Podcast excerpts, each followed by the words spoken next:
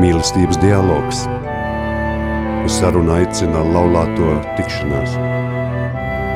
Palieciet manā mīlestībā, Jāņa 15.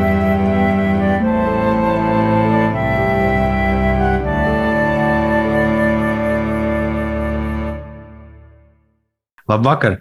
Ar jums kopā ir apvienības laulāto tikšanās raidījums Mīlestības dialogs, un mēs, Edgars un Sīkta. Šovakar mēs pievērsīsimies ļoti delikātai un uh, sāpīgai un smagai tēmai - bērnu zaudēšanai ģimenē. Tādēļ, pirms uzsākt mūsu sarunu, šķiet vietā jums atgādināt dialoga pamatprincipus, saskaņā ar kuriem mēs dzīvojam un aicinām dzīvot arī jūs. Klausīties vairāk nekā runāt, saprast vairāk nekā kritizēt, dalīties vairāk nekā disk diskutēt un pāri visam piedot? Uh, diemžēl ne visas grūtniecības vainagojas ar bērniņu ienākšanu šajā pasaulē. Daļa grūtniecību izbeidzas spontāno abortu laikā, daļa bērniņu mirst grūtniecības vai dzemdību laikā, vai uzreiz pēc tām.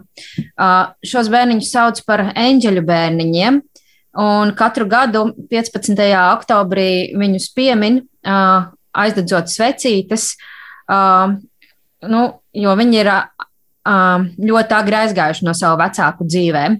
Šovakar uz sarunu esam aicinājuši Gintu Bulu, uh, kura vada atbalstu grupu vecākiem, kuri ir zaudējuši bērniņus. Labvakar! Labvakar! Varbūt uh, pirms sākam mūsu sarunu iepazīstiniet ar sevi. Nu, jā, nu mani sauc Ginta Bula. Uh, ko es vairāk varu iepazīstināt. Nu, ja par šo tēmu runājot, es vadu grupas, vadu to, daru to jau kādus gadus, nezinu, astoņus laikam. Ar, tas nav tā, ka tas ir ļoti regulāri, un, bet kādēļ es to daru? Es to tādēļ, ka es esmu pati mamma, ka, mamma kas ir um, zaudējusi divus bērnus. Um, man, diemžēl, tā pieredze ir atšķirīga, jo 2001. gadā uh, nomira mans dēliņš, kuram bija 12 gadi. Uh, Bet pēc tam, kad mēs eh, daudz maz bijām tikuši galā ar, ar to zaudējumu, sāpju un visu to, kas tam turpinās, eh, es zaudēju meitiņu sastajā grūtniecības mēnesī. Un, eh, tās ir divas atšķirīgas pieredzes, uz kurām, protams, pieliekot klāt arī visas vēl citas lietas, es tad vadu grupas, jo man ļoti pietrūka atbalsta. Un es ļoti ilgi uh, biju tādā ļoti dziļā bedrē. Um, ko vairāk es esmu sieva, mamma, nu jau arī vecmāmiņa. Um, pēdējā lieta, ka, kā es saku, pēdējā izglītība man tāda ir mm, coachings. Es esmu strādājusi arī tajā jomā, bet principā es esmu aizsaimniece. Tad man uzreiz jautājums, kā jūs nonācāt līdz šo grupu vadīšanai? Nonācu es tā, ka es kādus deviņus gadus atpakaļ, kad bērnu slimnīcā bija atvērta vecāku māja. Viņi jau kādu laiku strādāja, laikam kādu gadu. Šogad vecāka māja bija desmit gadi, un es kaut kur um, atradu to vai sludinājumu vai informāciju, un es uh, aizgāju pieteikties tur brīvprātīgo, jo vecāka māja strādā pārsvarā lielāko laiku nosacīja brīvprātīgie darbinieki. Un, uh, tas cilvēks, pie kura bija jāiet ar iesniegumu uz interviju, bija mācītājs Linnārds Rozentāls, kurš uh, kristīja un izvadīja manu dēlu, tad, kad viņš bija reanimācijā, komā. Un, uh, tas bija tāds ļoti, priekš manis, tāds ļoti simbolisks aplis, varbūt, ko es biju atgājusi. Un, Un uh, Līnārds bija tas, kurš man un vēl vienai mammai, kas uh, arī bija brīvprātīgā tajā laikā, tajā vecāku mājā, zinot mūsu stāstus, jo viņai arī bija zaudēts bērniņš, bet nu, kā, nu, ne, neilgi pirms tam. Viņš mums piedāvāja, meitenes, vai jūs varbūt uh, varētu izveidot atbalsta grupu, jo tās iemaņas mums tā kā bija, nu, to, ko mēs darījām ikdienā. Un tā tas sākās īstenībā. Un tajā pirmajā grupā es sapratu, ka es principā to savu mazo meiteni nemaz vispār neesmu izsērojusi, jo man bija ļoti bail, ka es vienkārši iegāzīšos atkal, atkal tajā visā ārprātā. Un um, tā tas arī sākās. Un tad vēl un vēl, un tā nav nekāda regulārs tāds pasākums, bet uh, Tad, kad kāds uzzvana, piesakās, tad arī tā grupa nokomplektējās. Jā. Nu, kaut kā tā. Mm. Tad viņai nav tāds tā kā sākums konkrēts, piemēram, nu, tur es nezinu, 20 reizi gadā varbūt tās vai. vai... Uh, Ir tā, ka tagad tās pēdējā mēs tā kā, tā kā arī vecāku māja ir kā atbalsts un Lutera draudze deva telpas savā draudzes namā vienmēr, jo tas viss ir brīvprātīgs pasākums, vecāki neko nemaksā. Mhm. Un tas priekš manis ir ļoti principiāli. Man ir nu, nu, bijušas par to ļoti daudz sarunas, bet es vienkārši nesaprotu, kā to var darīt savādāk. Un, nu, ir tā, ka tā regulātāte nav tāda, ka ir. Nu, šobrīd ir tā, mēs izsludinām pavasara grupu un rudens grupu. -hmm. Un tad skatāmies, kā tie cilvēki piesakās. Pa, bija pagājušajā reizē bija tā, ka mēs dalījām divās grupās, tāpēc, ka nevarēja vienā grupā to visu. Jo nu, tas nevar būt, tā, tā auditorija nevar būt bezgalīga, jo ir jābūt obligātai iespējai katram atklāties, katram parunāt, iesaistīties. Tas ir ļoti svarīgi. Mhm. Pieci, seši cilvēki. Ja ir pāris, nu, tad kādreiz ir bijis, kad ir astoņi, teiksim, četri pāri, un tad ir astoņi vecāki. Dažādi, ļoti dažādi. Mhm. Šobrīd arī ir izsludināta rudens grupa, bet, diemžēl, ar to visu pandēmiju un to, tad uh, mēs te tagad bišķiņi esam jau nu, pārcēluši. Nu, viņai kaut kad ir jābūt, bet mēs nu, burtiski Es domāju, gan jūsu uzaicinājums, gan nu, nekas jau nenotiek tāpat vien. Ja, tas tāds kaut kāds stimuls ir. Mhm. Jo to jau nekad nevar ieplānot. Jā. Bet eh, šo, šos te grupu jūs eh, kaut kā veidojāt paši, vai, vai bija kaut kāda programma, uz kā bāzes jūs taisījāt, vai, vai tas visu laiku mainās, vai tas ir kaut kā stabili, kā varbūt tās var to? Principā tas, ko es daru, es to esmu salikusi jau pati, kā es to daru. Um, tam visam kā bāze ir.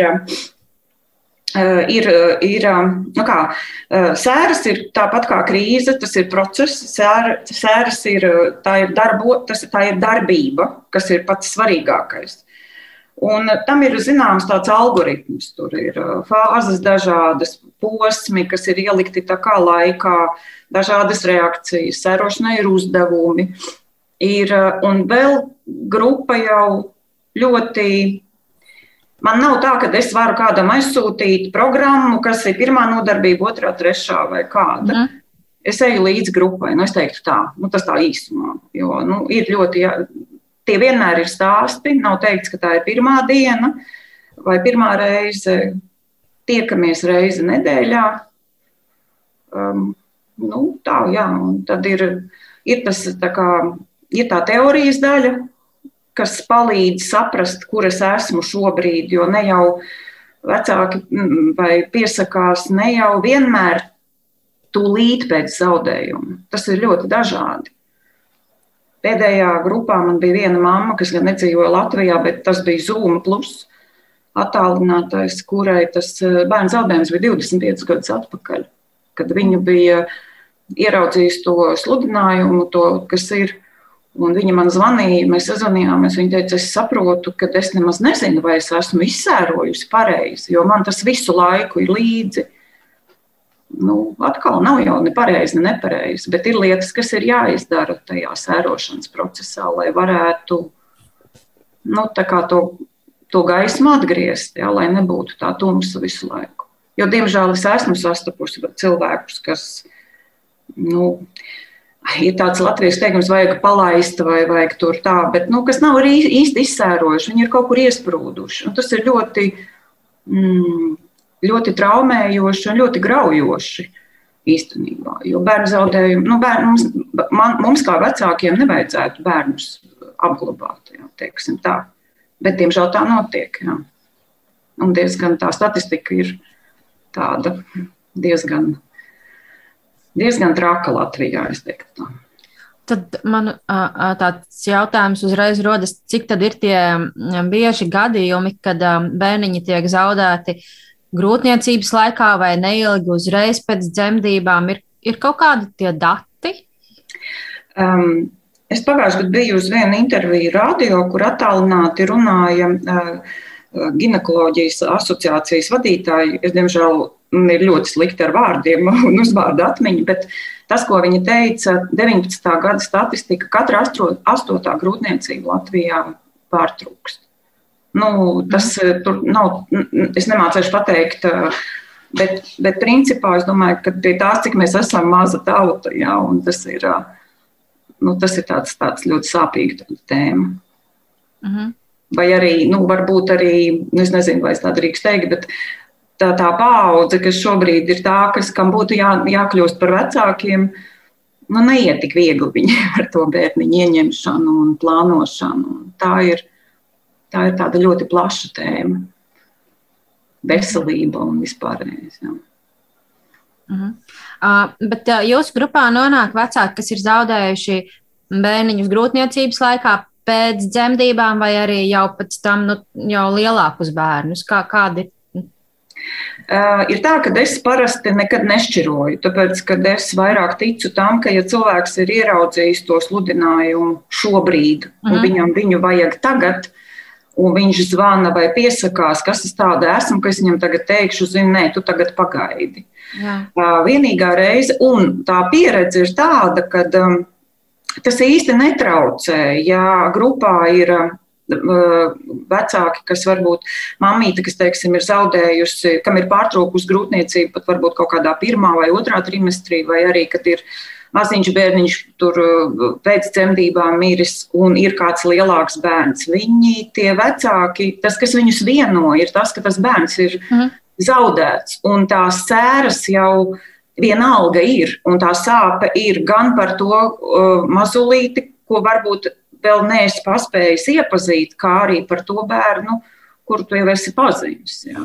Pēdējā, kā es saku, tā pēdējā reize, kad bija, ka mēs dalījām, kad bija pieteikuši, tad mums bija tā, bija grupa, kur bija tie, nu, piedzīvotie bērni, ar kuriem jau ir, ir, kas ir jau bijuši, un, un tur nu, dažādu iemeslu dēļ tur vairāk bija slimības, un tā, un tad tie maziņie.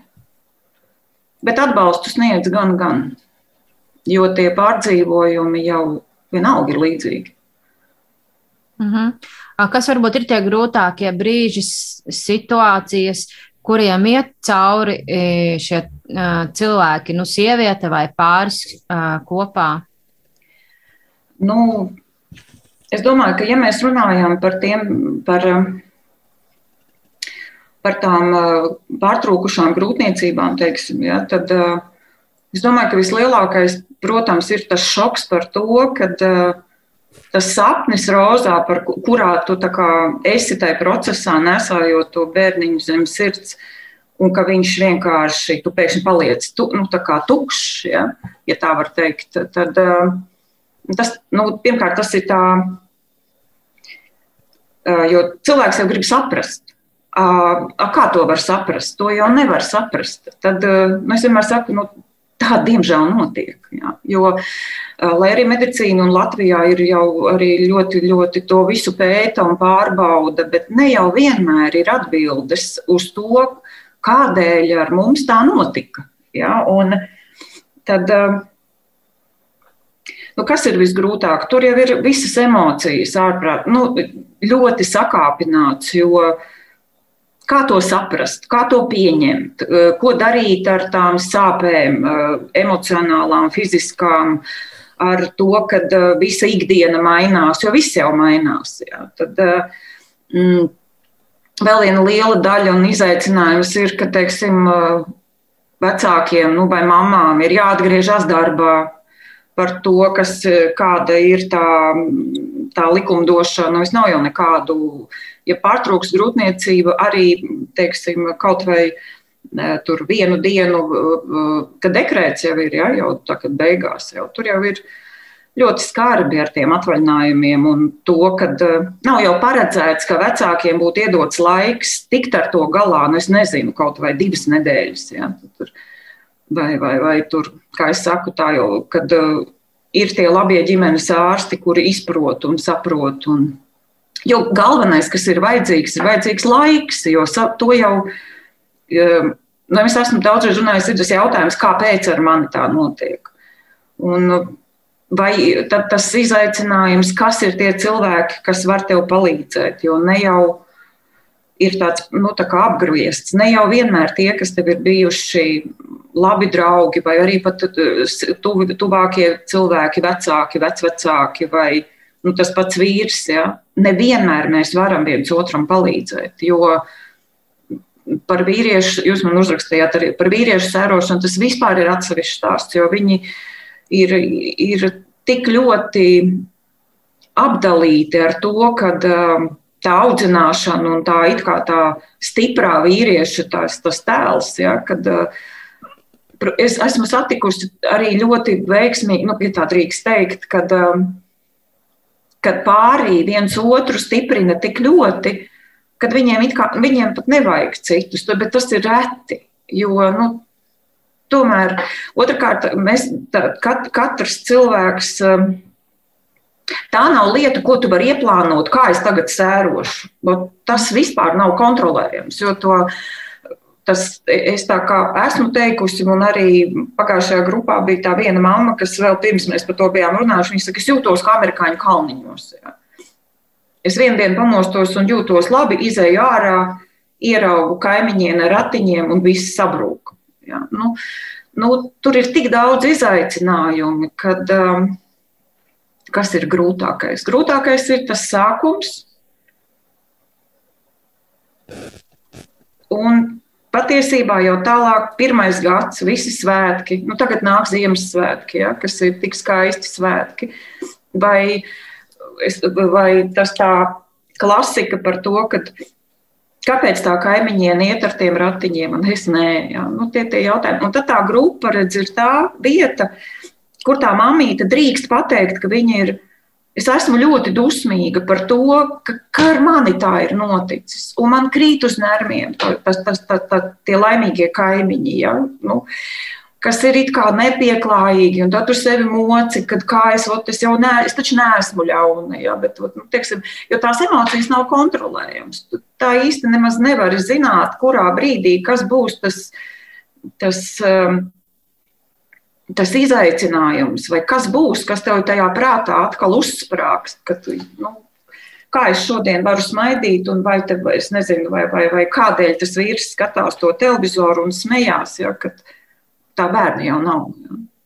Nu, tur ir ļoti daudz izaicinājumu. Tādu, tas, bet tur ir atkal tas, kad es saku, ir tās fāzes, ja, kas, kur, kuras eh, grupā viņas pastāstot. Nu, to gan internetā, protams, var atrast. Tas jau nav nekāds noslēpums. Tā, tās fāzes ir līdzīgas kā, kā krīzes fāzes, nu, kas ir psiholoģijā. Ir, ir vecāki, kur iet eh, terapijās un nāk uz grupu. Ja, un, uh, viņi saka, ka gan terapeiti, gan, gan, gan, gan psihologi arī iesaka meklēt to, kas tev palīdz. Es zinu, ka ir tādi, kas ir aizgājuši prom no darba, jāsaka, izīrē dzīvokli un aizbrauc prom. Zinu arī to, ka attālums nepalīdz, jo tas tā, tāpat viss tev nāk līdzi. Mhm. Um, nu, rituāli kaut kādi, nu, tie paši kapiņi, kas latviešiem mums jau ir, ja, kur var aiziet, nezinu, sakopt vai parunāt vai ļoti dažādi. Kristīgiem cilvēkiem es esmu novērojis, ka ir ļoti palīdzoši tie, kas ir ticīgi. Jo tur ir nu, cits, cits mugurkauls, ja, kā, ja tā var teikt. Un, nu, tā kaut kā. Uh mhm. -huh. Man tā grūti pateikt, kas ir nu, sarežģīti. Ir, tas viss ir sarežģīti. Tas viss ir plūstoši un graujoši, un tā nevajag būt. Jā, nu, kaut kā tā. Uh mhm. -huh. Um, kad mēs sākām uh, domāt par šo raidījumu, es uzrunāju um, dažas ģimenes, kurās es zinu, ka ir bijuši šie bērnu zaudējumi. Un tagad es gribētu nolasīt vienas ģimenes stāstu, jo šeit ļoti labi arī atspoguļojās tās jūtas un emocijas, caur kuru ir gājusi cauri šī ģimene. Mhm. Un tas ir Rutas stāsts. Tas notika pirms trīs gadiem, 13. novembrī. Mājās mums skraidīja pieci bērni, un zem manas sirds pukstēja sastāv bērniņa sirds. Tā bija grūtniecības astotā nedēļa. Dienas vidū sākās asiņošana, kas nerimās. tāpēc devos uz slimnīcu. Vīrs tobrīd bija darbā. Ārsta teiktais bija negaidīts. Kaut kas ir nogājis greizi, un bērniņam vairs nav dzīvības pazīmju. Man bija jādodas ar viņu uz ginekoloģijas nodaļu, uz procedūru telpu, kur vajadzēja izņemt to, kas vēl bija palicis no mazulīša. Atceros, cik ļoti biju apjukusi, izmisusi, tik grūti bija tam noticēt, raudāju. Zvanīju vīram, bet viņš tieši tajā brīdī nebija sazvanāms.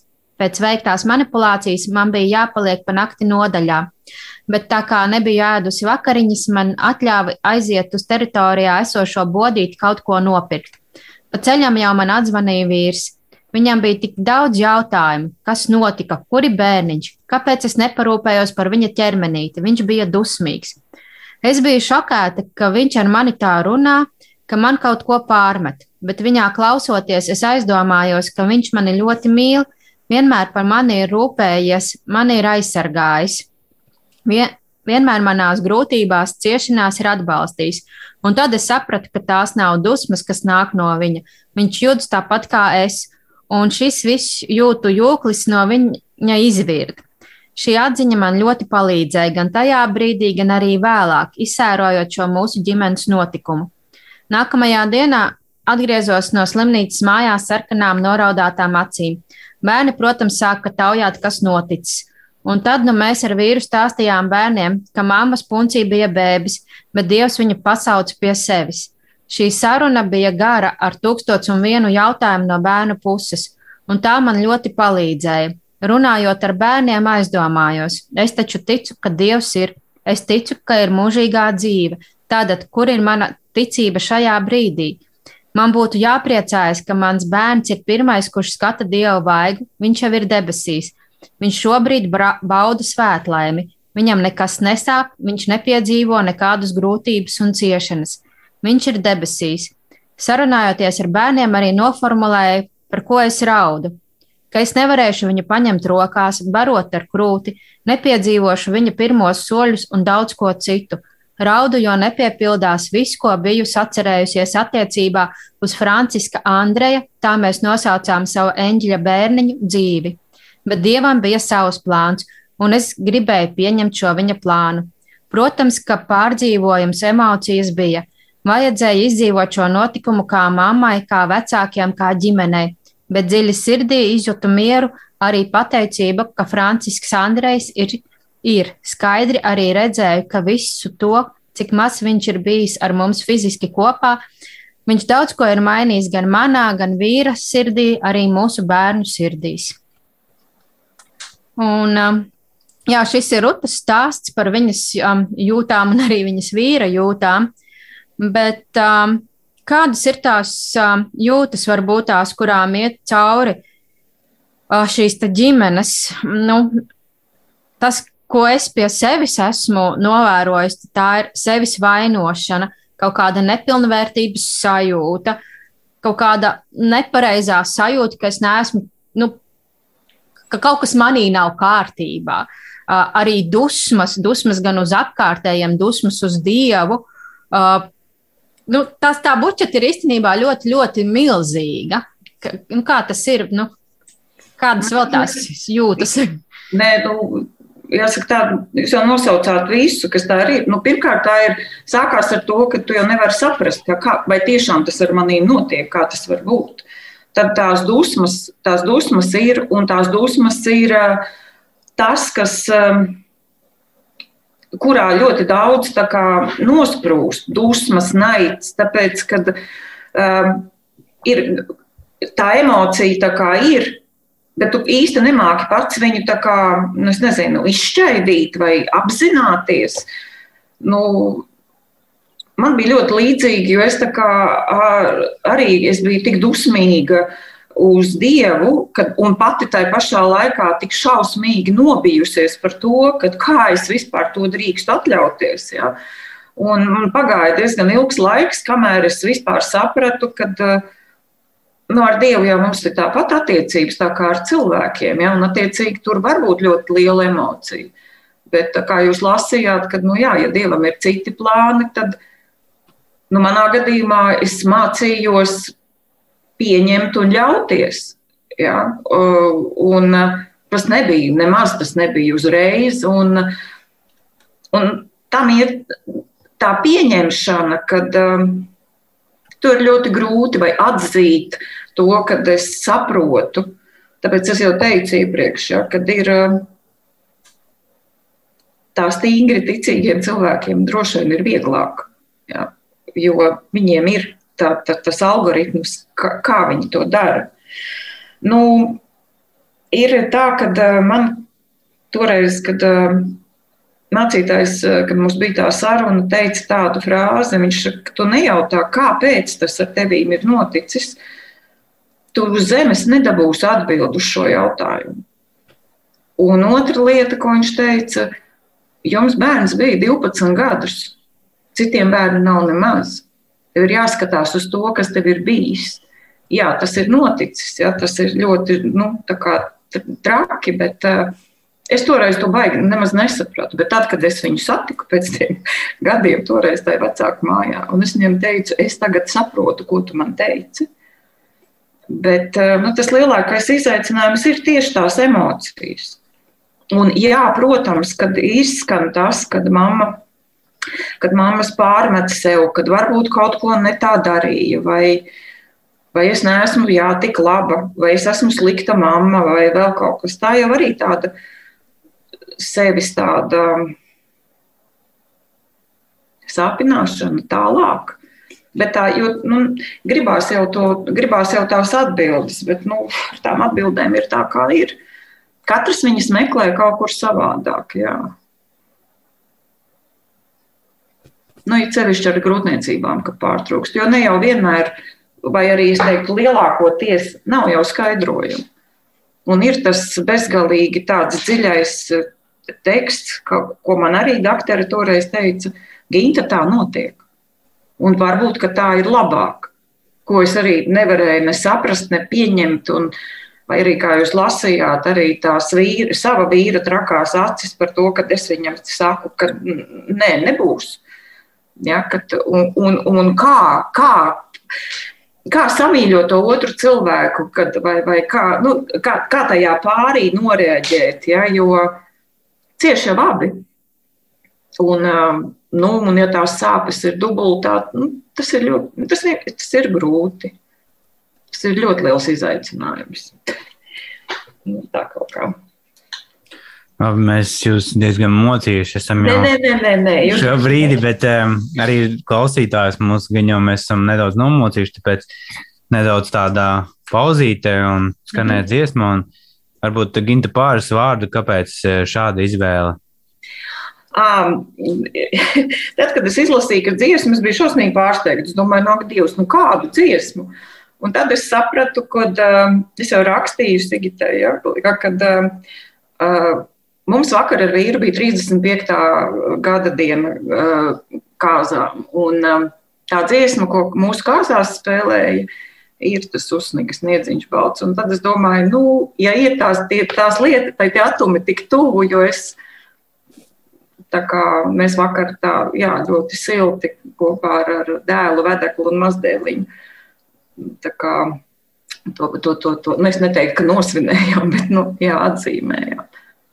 Jo tā ir lieta, jā, laulība ir tā lieta, ar ko es esmu lepna par mums. Jā. Labi, klausamies!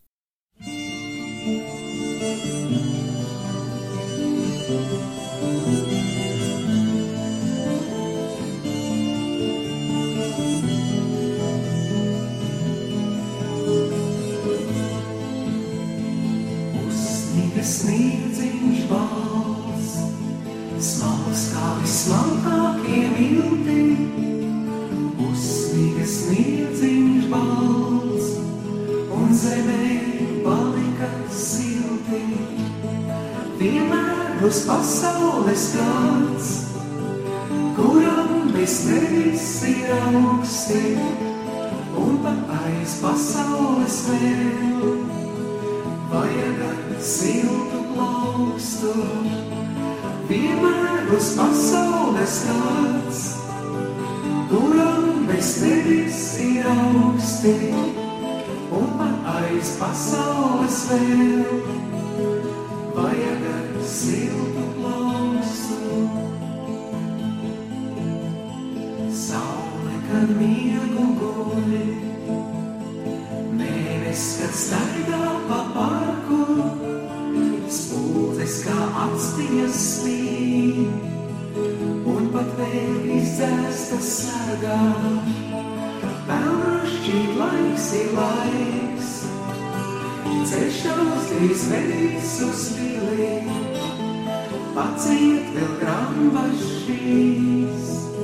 Krīzinās mākoņi zili, Pelnrušķīt laiks ir laiks, Ceļš drīz vedīs uz vili, Paciet vēl grambašīs, Krīzinās mākoņi zili, Ja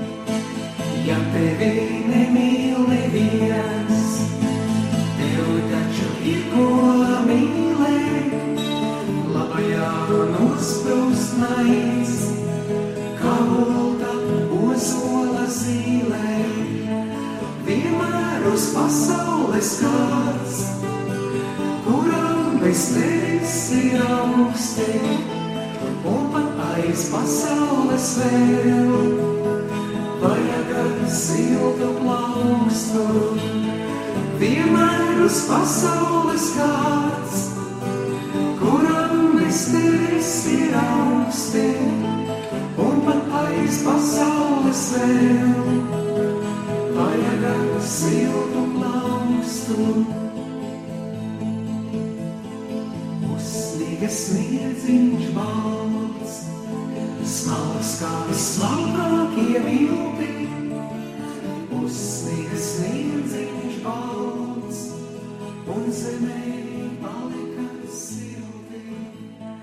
Vienmēr uz pasaules gala. Šis joprojām ir eh, apvienības laulāto tikšanās raidījums mīlestības dialogs, un eh, mēs, Edgars un Sigita, ar mums kopā šovakar ir Ginta Bulo, un mēs turpinam sarunāties par ļoti smagu tādu tēmu par bērnu zaudēšanu ģimenē. Um, uh, sakiet, cik svarīga ir šīs situācijas izrunāšana? Jo man liekas, ka par šo tēmu tā plašāk ir sākuši runāt tikai kaut kādus pēdējos gadus, jo vismaz, man liekas, pirms gadiem desmit no informācijas bija krietni, krietni mazāk. Nu. Tā ir taisnība, jā. To es vēl arī šobrīd jau, respektīvi, ir tā, ka man pašai personīgi bija tā, ka tad, kad es zaudēju, tad es tikai ieraudzīju, jo caur to zaudējumu, runājot ar apkārtējiem, es sapratu, ka tas nemaz nav tik ļoti reti.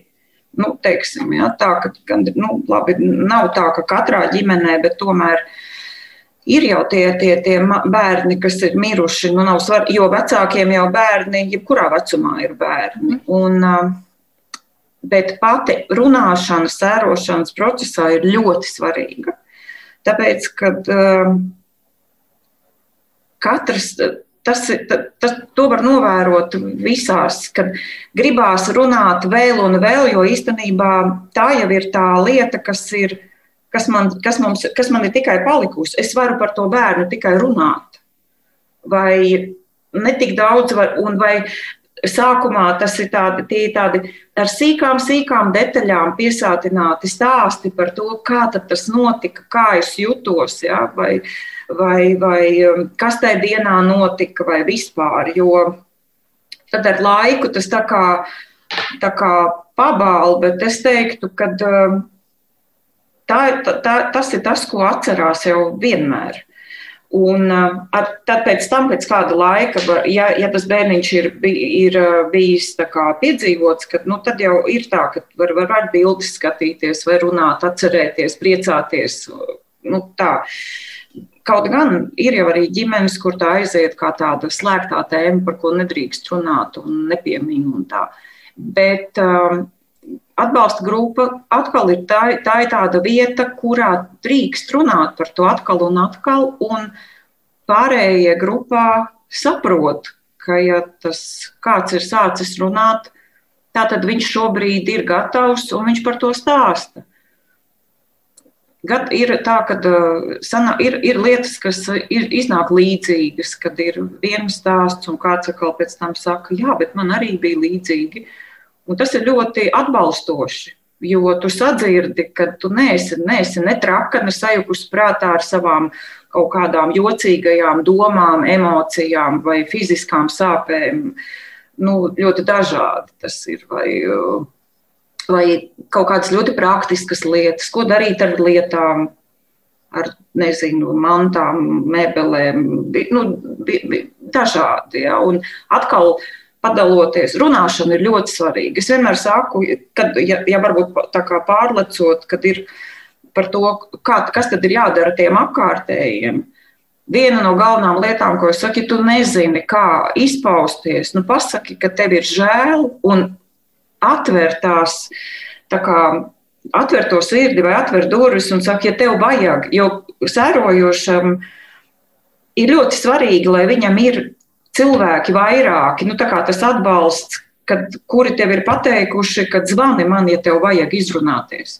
Jo ne jau vienmēr tu vari atkal un atkal mājās par to runāt, jo tuvinieki nogurst, vai partneri, nu, pārējie, abi ir noguruši. At, viņi, nu, ne visi var vai māk to, to, to, to, tur mājās tā visu laiku vēl par to runāt un runāt. Un vai tās vai mammas, vai omītes, vai, vai draudzenes, cik ilgi viņas var to tā kā, nu, tā kā turēt. Jā. Mm -hmm. Bet runāties vajag, jā. Jo arī pašam vecākam, vecākiem, nu, kas ir zaudējuši caur to savu runāšanu, kā es saku, ir jādabū no sevis tas ārā. Un tad, kad tu sadzirdi, ko tu pats runā, tad tu vienā brīdī tu sāc tās lietas nosaukt īstajā vārdā, ka, teiksim, nevis es jūtos slikti, bet es jūtos dusmīgs. Tu nosauc, tu atrodi to vārdu, kā tu jūties. Vai arī, lai būtu ērts apkārtējiem, tā kā, nu, es negribu teikt tē, tēlošana, bet tā pielāgošanās. Visi grib, lai es esmu smaidu, lai es beidzot smaidu, ja tur trīs, četri vai seši mēneši ir pagājuši. Ja?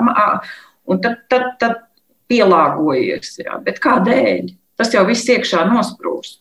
Un ko viņš izdara ar to? Ar to? Tad veseli jau kliedz no nu, tāpatās.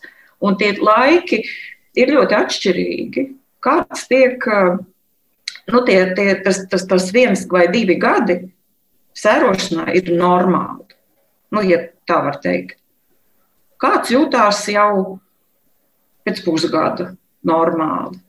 Ir ģimenes, kuri bērniņu plāno, nu, ja ir mazulis, ja, plāno, nu, tad, kad ārsti saka, jā, lū, labi, var tagad, ja. kāds nav, nevar saņemties, tas ir ļoti atšķirīgi. Un, un, un, un tas ir normāli. Ja. Bet uh, arī pateikt, kad, uh, kad varbūt mēģinām vēlreiz, arī to vajag no sevis dabūt ārā. Un, un, un, un, nu, tā kā man patīk tas, tas ka tad, kad tu runā, tu sevi sadzirdi. Un, lai noformulētu citiem, lai citi saprotu, ko tu gribi pateikt, tev vajag atrast pareizo vārdu. Un par tām emocijām tas ir rītīgi. Uh -huh. uh, šobrīd es gribu nolasīt vēl vienu stāstu, un šoreiz tas būs Anitas stāsts. Meitu Mariju zaudēju 2014. gadā, 34. grūtniecības nedēļā, pēkšņas placentas atslābņošanās dēļ. Viss notika tik pēkšņi, ka manu dzīvību izglāba tikai tas, ka es jau vairākas dienas atrados slimnīcā, jo bija sākusies preeklampsija. Brīdī, kad pāris dienas pēc notikušā nācu pie samaņas, sapratu, ka mana dzīve vairs nekad nebūs tāda kā agrāk. Un vislielāko paniku manī radīja tas, ka visi apkārtējie, sākot no ārstiem, beidzot ar vīru un vecākiem, izturējās tā, it kā mans bērns nekad nebūtu eksistējis.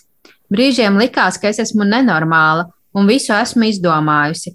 Lai gan pagājis daudz laika, joprojām iekšā sēž sāpe, ka citi izlēma, kā meitu nosaukt, ka neļauj man atvadīties. Kopš tā laika cīnos ar ieradumu visu kontrolēt un darīt pašai, un nebūt tādam kā apgrūtinājumam. Pēc notikušā nācās apzināties, ka arī laulībai vairs nav turpinājuma, jo brīdī, kad mums bija kopā jāizsēro bērna zaudējums, kad man bija jācīnās ar nopietnām veselības problēmām, es jutos vainīga par to, ka, esmu, ka neesmu pietiekami laba, jo vīrs meklēs mierinājumu citu sieviešu sabiedrībā. Vienā brīdī vienkārši nācās atzīt, ka ar savu sāpi esmu viena, un mani resursi bija beigušies. Man vienkārši bija jāizvēlas glābt sevi vai laulības paliekas. Es izvēlējos savu fizisko un garīgo veselību. Tagad, pēc septiņiem gadiem, joprojām uzskatu, ka mana meita ir lieliska dieva dāvana manā dzīvē, jo pēc viņas aiziešanas es iemācījos būt daudz stiprāka, pacietīgāka un, lai cik jocīgi tas neskanētu, arī laimīgāka.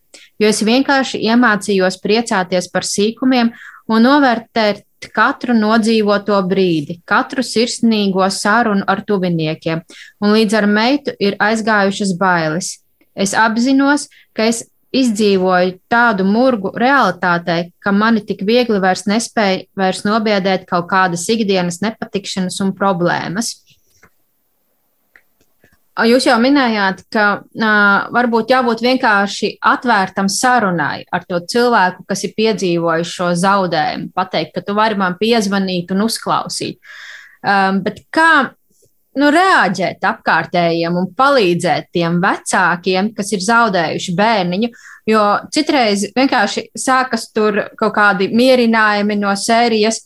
Nekas, nekas, vēl jau būs bērniņi, vai Tur, um, nu, nu, nekas jūs tagad varat padzīvot sev, kā vēlaties, vai tur, nu, jā, tas standarts, nu, tā gadās, bet um, tādos brīžos, um, man liekas, ka, nu, vienkārši tas cilvēks, kuram ir tā sāpe, viņš jūtās vēl sliktāk nekā pirms sācis vispār kaut ko runāt. Nu, pilnīgi taisnība, tieši tā arī tas notiek. Uh, es gan domāju, ka uh, tik cik es esmu runājusi ar cilvēkiem, kad uh, arī par tie pārējie ir nobijušies vairāk nekā tie, kas ir zaudējuši. Jo tie zaudējumus tur, tur ir kaut kas konkrēts. Ar to, ko ar viņiem tagad darīt, ja? bet tas labākais ir tas, ka ar viņiem jau neko nevajag darīt. Tikai ir tā, ka um, vienkārši klātbūtne, jo ir jau jāskatās, tie, tie sērošanas, tie, tie, tie posmi. Var jau būt tā, ka tam cilvēkam varbūt vajag kādu, lai viņam ir blakus, jo nu, nav nekāds baigais noslēpums, domas ir visādas. Tāpēc, kad nu, visa dzīve ir sabrukusi, nekam vairs nav jēgas. Ja? Un, um, kad tā klātbūtne uh, vai arī tas, ka nerun, man te ir priekšā tas, kas sērotājiem, kas sērojošiem palīdz. Nerunāšana par notikušo sāp vairāk kā runāšanu.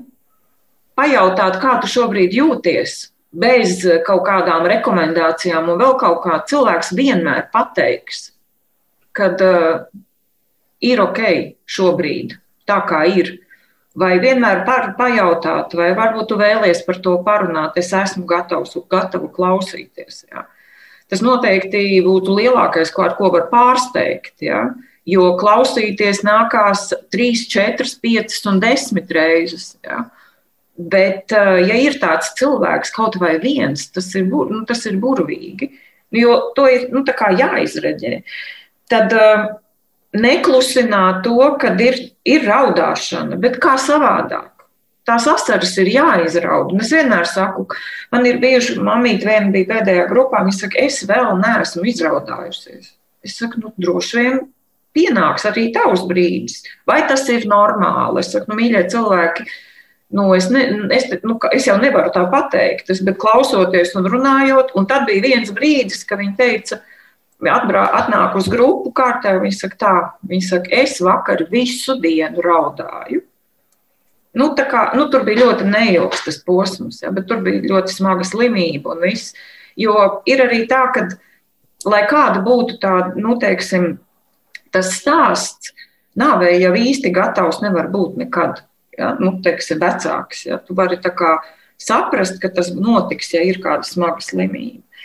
Vēl viena lieta, kas ir ļoti svarīga, kad ja tas bērniņš ir piedzīvots, nevajag uh, izvairīties no, ir tāda, nu, ka saukt bērnu vārdā. Ir arī tāda ļoti, tā, nu, tā nav tradīcija, bet ko tā kā tomēr ļoti iesaka, vai tas, kā jūs lasījāt, ja, kad arī, kad tam bērnam ir jāiedod vārdiņš. Nu, lai nav svarīgi, kāda tā ir grūtniecības nedēļa, viņš taču pie tevis ir atnācis, viņš tevi ir izvēlējies. Un ja viņš ir, ja viņa uzdevums bija atnākt pie tevis un aiziet, arī tad ir tas saliek visu pa vietām, tā kā iedodot bērnam vārdu. Un, uh, tad ir vēl tāda lieta, kad man raksta, kad atbalstīt sērojošos, jo viņi dažreiz uzvedās dīvaini. Nu, ja tas neapdraud viņus, ja, nu, tā kā pieņemt, ka tas viss ir process. Nu, nu, un tad par tiem ieteikumiem, protams, ka jā, tā ir tā lielākā. Bet es domāju, ka tā tāda nesaprašanas vai nezināšanas lieta, ka jā, būs jau labi, nu, kā tu to vari zināt, jā, vai, vai, vai par tiem citiem bērniem, vai jūs esat jauni, vai, vai vēl trakāk, kad tu jau viņu pat neesi rokās turējis, ko tu, nu, apmēram, ne tu viņu iepazīstis. Es, ko tik es neesmu dzirdējusi, ja, ko ir pateikuši cilvēki, nu, ne jau ļaunu gribot, bet uh, kādreiz vecāku mājā, kad es vēl biju tā, es apmācīju brīvprātīgos, un, protams, kad vecāku mājā arī ir vecāki, kuri nakšņo, kuri, kad gadās, ka viņi nāk no tās nodaļas, un tu atver durvis, un tu saproti, ka, nu, ka diemžēl nav. Ja?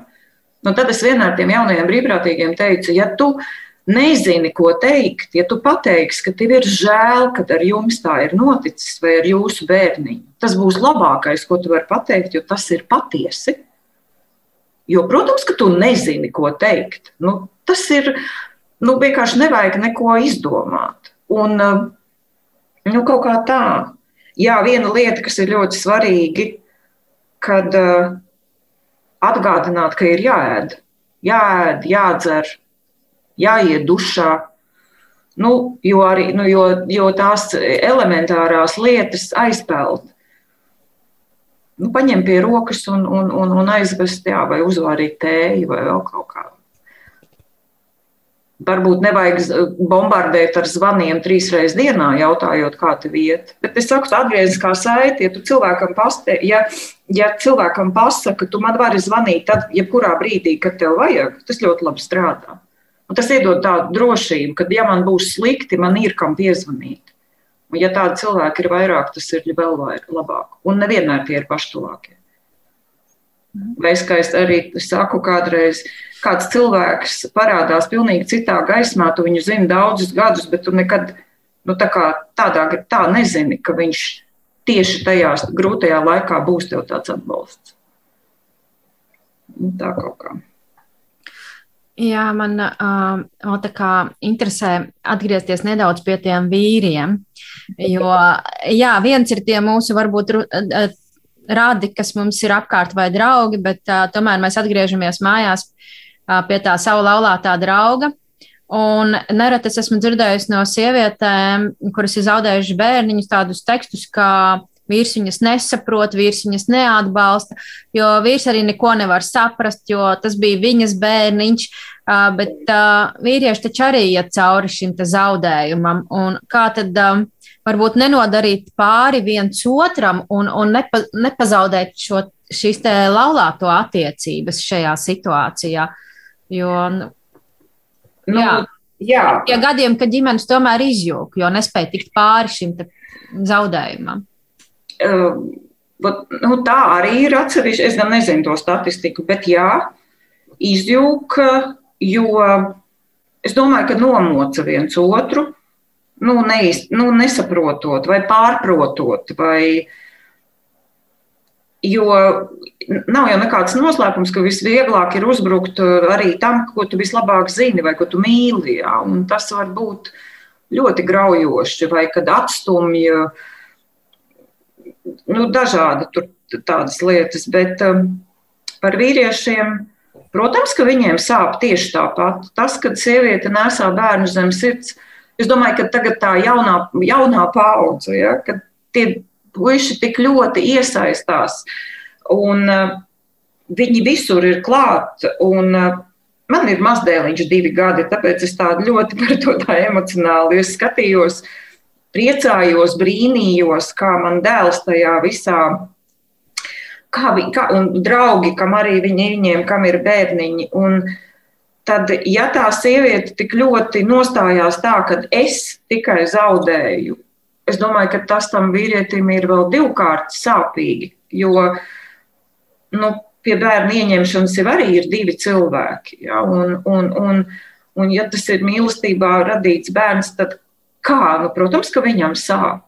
Bet tur vēl ir visa tā sabiedrības, tas, tas, tas, tas, uh, tie stereotipi. Ja? Nu, labi, varbūt ne gluži, ka vīrieši nedrīkst raudāt, ja? tā ļoti nu, vienkāršojot. Bet, uh, nu, man ir bijis grupās, kad uh, cik skarbi ir darba devēji, kad, piemēram, pie zaud, kad ir nomiris bērniņš un uh, vīrietis ir paņemt atvaļinājumu, un viņam vadītājs pasaka, ja es katru reizi, kad man mirs kāds radinieks, ņemšu atvaļinājumu, kā tad es strādāšu? Tas ir prātam neaptverami, ja, ka var būt tā. Tas ir, un viņš aizgāja no tā darba, lai būtu blakus sievai, lai būtu, lai, un, un, un, lai būtu kopā. Un, uh, es domāju, ka tā ir viena no, jā, laulības izjūga, bet es domāju, ja tas pāris to pārceļo, nu, tas, nu, es neteikšu, ka tas ir būru līdzeklis, nē, bet tā ir baigā izaugsme, es domāju, tomēr. Tas viss, ko mēs runājam par to, kas notiek ar vienu, vienu nu, ar abiem, ja, un tad, ja to salikt kopā un pēc tam iet uz priekšu, atcerēties to zaudēto bērnu, bet iet uz priekšu, ja, ja, ja tā veselība ļauj, un visādi jau ir. Un, un, un, jo tā jūtība jau īstenībā tam vīrietim ir tāda pati kā tai sievietei, tikai nu, kā ir pieņemts vairāk. Jā. Vai tas, ka viņš ir sportisks un tāds, kā te vienā grupā tas viens teica, teica viņš teica, es 30 gadus sevi audzinājis veci, un ko lai es tagad daru? Viņš ir paldies Dievam, kad ir tā grupa, es viņu gaidu, jo es zinu, ka es te drīkstēšu runāt par to mūsu mazuli, es te drīkstu raudāt, Un te ir vēl citi, kas, ar, kas saprot, kāpēc es tā daru. Man toreiz tas bija ļoti liels pārsteigums, jo tā bija pirmā grupa, kur bija pāri. Un tad tie, kā jau saku, tie tēvi, tie vīrieši atnāk līdzi, sāku pirmā reize jau tādi aizsargi, tās sievietes aiz muguras tur. Un tad kamēr lēnām, lēnām, kamēr nu, teiksim, es kā vadītājs, es saprotu, ka es esmu beidzot tikusi cauri tai bruņai, ka viņi tā kā uzticās, ka es nenodarīšu tai sieviņai vēl pāri, jo tā jau viņa cieš.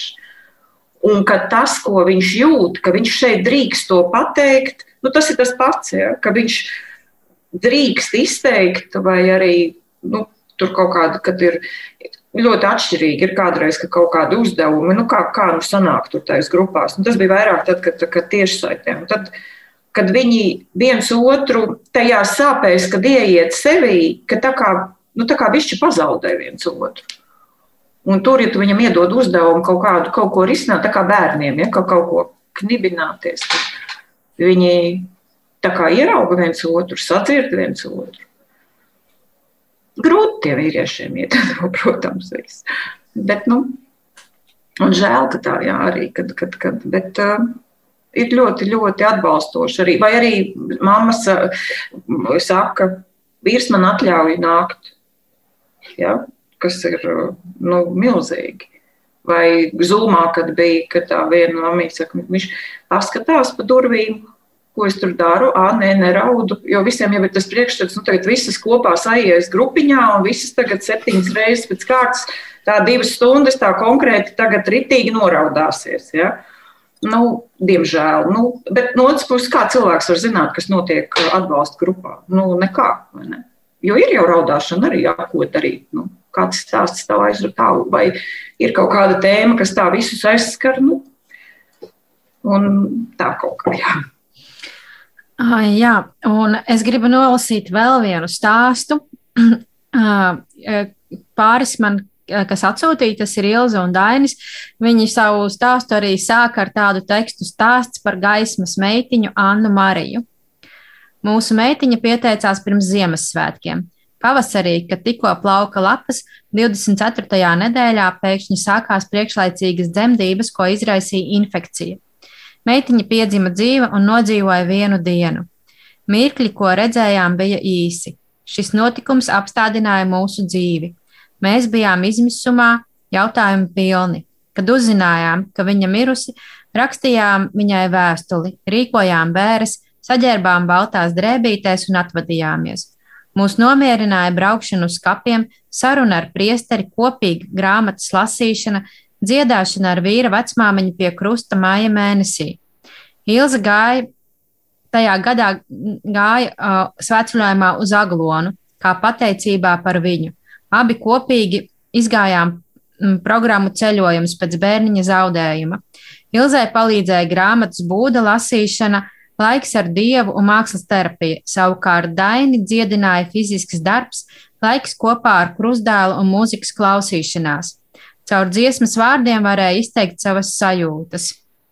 Mūsu sērošanas posms bija ilgs, sāpes, atmiņas nāca viļņveidīgi. Tieši Dieva klātbūtne mums palīdzēja pārdzīvot bērniņa zaudējumu un dziedināja mūsu sirdis. Nobeigumā gribam teikt, ka mūsu meitiņa bija un ir Dieva dāvana, kas mūs tuvināja attiecībām ar viņu. Lai jūs visus stiprina Dieva vārdi. Tiem, kas skumst ciānas dēļ, dāvāt galvas rotu pelnu vietā, prieka eļu sēru drēbju vietā, svētku drānas noskumušo gara vietā, lai viņus varētu saukt par taisnības kokiem, kas tā kunga dēstīti viņam par godu. Līdz ar to mūsu laiks strauji tuvojas beigām, un uh, es gribētu noteikti visu arī klausītāju vārdā un arī sabiedrības vārdā pateikt jums lielu paldies, nepateikt un noteikti par to, ko jūs dariet, ka jūs arī bijāt gatavi dalīties šīm sāpīgām emocijām un, un par to, ko jūs vēl noteikti izdarīsiet uz priekšu. Tāds rādījums arī ir tāds durvīm uzraksts nepateiktais paldies. Noteikti tāds jums tāds ļoti, ļoti liels uz mājas sienas pienākās par to, ko jūs darat. Bet paldies arī klausītāji, ka jūs bijāt ar mums kopā mīlestības dialogā. Aicinam uh, jūs vienam ar otru runāt, ja arī šovakar jūs dzirdējāt, cik tas tomēr ir svarīgi. Jūs varat apmeklēt arī mūsu kustības pasākumus, jo 11. decembrī mēs piedāvājam pāriem interesantu programmu, kas norisināsies attālināti Zoomā, un informāciju par to meklēt mūsu mājaslapā www.laulātiem.cl. Tāpat mēs arī Tiem, kas ir apmeklējuši mūsu nedēļas nogales, piedāvājam attālinātās mazās grupas. Ja jūs kaut ko vēlaties vairāk uzzināt, tad rakstiet mums uz e-pasta lalāto punktu tikšanās gmail.com vai arī mūsu Facebook lapā. Arī mēs varam būt tie, kas sniegs kaut kādu atbalstu šai, šīs te uzklausītāja veidā jums krīzes situācijā. Uh, Mūsu animatori labprāt ar to nodarbojas. Un, ja jums ir kādi jautājumi arī par citām tēmām, vai vēlaties šim raidījumam ieteikt kādu jaunu tēmu, tad droši mums rakstiet. Un ēterā mēs ar jums tiksimies 12. decembrī. Bet nobeigumā vēlēto tikšanās lūgšanu. Dieva tēva un dēla svētā gara vārdā. Āmen. Kungs, Jēzu, es lūdzu tev dialogu dāvanu mūsu laulībā. Palīdzi man labāk ieklausīties manā sievā, palīdz mums apusēji labāk saprast vienam otru, dalīties vienam ar otru, piedot viens otram, dod mums delikātumu un maigumu mūsu sarunās un dari, lai tās vestu pie patiesas tikšanās vienam ar otru un abiem kopā ar tevi. Palīdzi mums aizvien labāk pieņemt vienam otru, radīt vienotību, kurā mēs varam palikt tādi, kādi esam. Lūdzu, dziedini to, kas mūsos ir sarežģīts un grūti panesams, kas mūs šķir un palīdzi mums visus lēmumus pieņemt ar mīlestību, kas izriet no dialoga vienam ar otru un ar tevi. Palīdzi mums priecāties par mūsu laulību un vienmēr palikt tavā mīlestībā. Āmen!